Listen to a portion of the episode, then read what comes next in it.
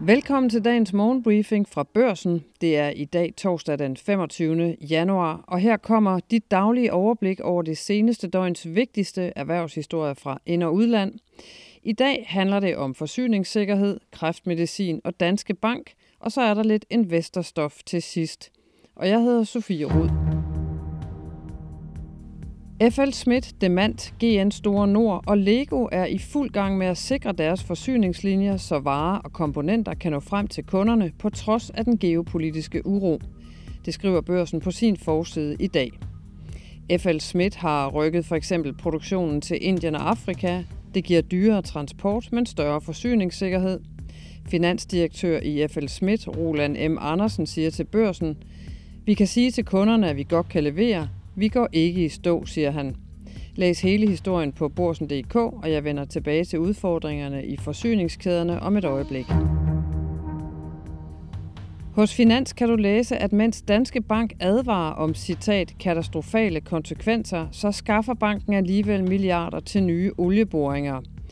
Danske Bank advarer nemlig i sin officielle politik om, at samfundets enorme forbrug af fossile brændstoffer kan få katastrofale konsekvenser for liv, økosystemer og menneskelige samfund. Alligevel har banken indtaget en hovedrolle i forbindelse med en ny milliardindsprøjtning til norske boreplatforme, der er designet til at finde ny olie. Det kan Finans afsløre i et samarbejde med mediet Danwatch. Danske Bank har ifølge mediet faciliteret en obligationsudstedelse, der har rejst 2,6 milliarder kroner til selskabet Otfjell Drilling. Det er et norsk selskab med speciale i dybhavsboringer efter olie i sårbare egne, som for eksempel Arktis. Det danske biotech-selskab Evaction Biotech annoncerede onsdag, at selskabet udvider sit engagement i udviklingen af skræddersyede kræftvacciner – Evaction Biotech, der sigter efter at udvikle kræftvacciner ved hjælp af kunstig intelligens, har ved hjælp af dets AI-drevne maskiner fundet en ny måde at lave vacciner, som er målrettet en særlig kategori af antitumorgener. Evaction kalder opdagelsen banebrydende, og nyheden om et snarligt AI-drevet kræftmiddel har i den grad vagt investorernes interesse for biotech-aktien, der handles på den amerikanske Nasdaq-børs – Evaction-aktien steg således indledningsvis 172 procent onsdag, skriver børsen. I USA blev det onsdag morgen klart, at tidligere præsident Donald Trump med stor sandsynlighed bliver republikansk kandidat til det kommende præsidentvalg i USA. Den danske regeringstop er indtil videre tavs om situationen, men 2024 bliver citat et Trump-år, som centrale regeringskilder formulerer det over for børsen. Børsen har talt med den tidligere topembedsmand Thomas Arnkiel om perspektiverne for Danmark og Europa, hvis Trump igen får fire år som amerikansk præsident. Thomas Arnkiel har været øverste rådgiver i udenrigsspørgsmål i statsministeriet. Han har været departementschef i Forsvarsministeriet og chef for Forsvarets efterretningstjeneste. Og han understreger, at Trump er det helt store spørgsmål for alle regeringer lige nu, hvis Trump bliver præsident igen, står Europa med massive udfordringer. USA's sikkerhedsgaranti kan ryge, og splittelse og en ny verdensorden truer, siger den tidligere topembedsmand. Du kan læse hele perspektivartiklen på borsen.dk. Det er ikke kun danske virksomheder, der lige nu arbejder med at sikre deres forsyningskæder, som jeg nævnte lige før. Uroen i det røde hav skaber også tumult i Europas tre største økonomier – fra stigende prispres i Storbritannien til længere leveringstider i Tyskland og Frankrig, viser nye data onsdag ifølge Bloomberg. De nye såkaldte PMI-tal, PMI er et indeks, der beskriver virksomheders indkøb, indikerer, at fragtomkostningerne stiger i Storbritannien, og det har presset inflationen op til det højeste niveau siden marts sidste år. I Tyskland, hvor aktiviteten i den private sektor er faldet syv måneder i træk, er produktionsomkostningerne nu også ramt yderligere negativt af krisen i det Røde Hav, mens leveringstiderne i Frankrig er de dårligste i et år, altså ifølge Bloomberg. Den amerikanske Bank of America har sit mas med at få de ansatte til at møde op på kontorerne. Derfor har banken nu skrevet en advarsel til de ansatte om, at de skal møde på arbejde, hvis de vil undgå yderligere sanktioner, som for eksempel en fyring, skriver Financial Times.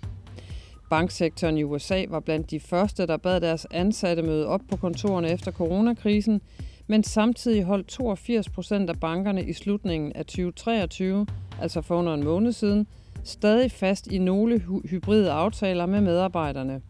Men det skal altså nu være slut, i hvert fald hos Bank of America. De amerikanske aktier fortsatte rekordrittet igen onsdag med endnu en rekord til S&P 500, som steg 0,1 procent onsdag. Samtidig endte Microsoft, Nvidia og Meta Platforms alle i rekordnoteringer, mens Netflix efter sit kvartalsregnskab drønede i vejret. Det var da også teknologisektoren, der trak markederne frem på trods af, at renterne steg efter en skuffende auktion over nye statslån med 5 års løbetid.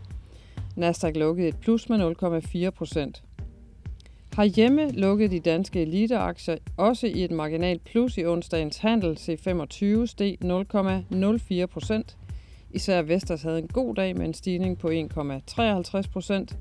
Den danske vindmølleproducent blev løftet af forbedrede meldinger fra konkurrenterne i amerikanske GE og tyske Siemens Energy, der begge har leveret friske og positive regnskabstal.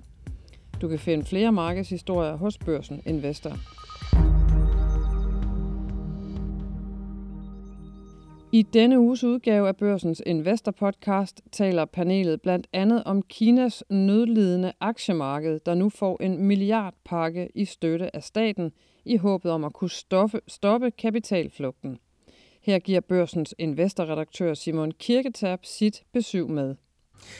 Men jeg synes jo, den der pakke, den viser jo lige præcis, hvad det der er galt med det kinesiske aktiemarked. Altså, tænk sig at forestille sig et scenarie, hvor at, uh, den danske stat uh, gik ud og sagde, ah, de danske øh, C25-aktier, de ligger der lige lidt lavt, vi køber der lige lidt op uh, bredt i markedet.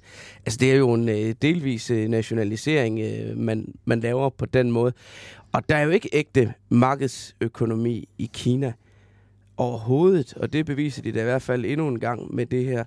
Og det er jo ikke, det er jo ikke god governance, at staten på den måde går ind og blander sig i ejerforholdene i børsnoterede selskaber. Så jeg synes da som investor, at det er da endnu en, øh, en alarmklokke, der ringer. Og så må jeg bare sige, altså øh, kinesiske aktier øh, investeringsmæssigt, altså øh, hvis det hænger folk langt ud af halsen, så kan jeg godt forstå det, fordi Hold da op, hvor har der mange gange over årene været nævnt Kina som en fantastisk mulighed. Det har der også været i børsen. Det er også banker, der har været ude at sige, investeringsrådgivere osv. Og gang på gang, så falder det marked fra hinanden. Der bliver bygget store forventninger op, og så plask. Og der er flere gode emner på programmet i Investor-podcasten i denne uge. Find den der, hvor du finder din morgenbriefing.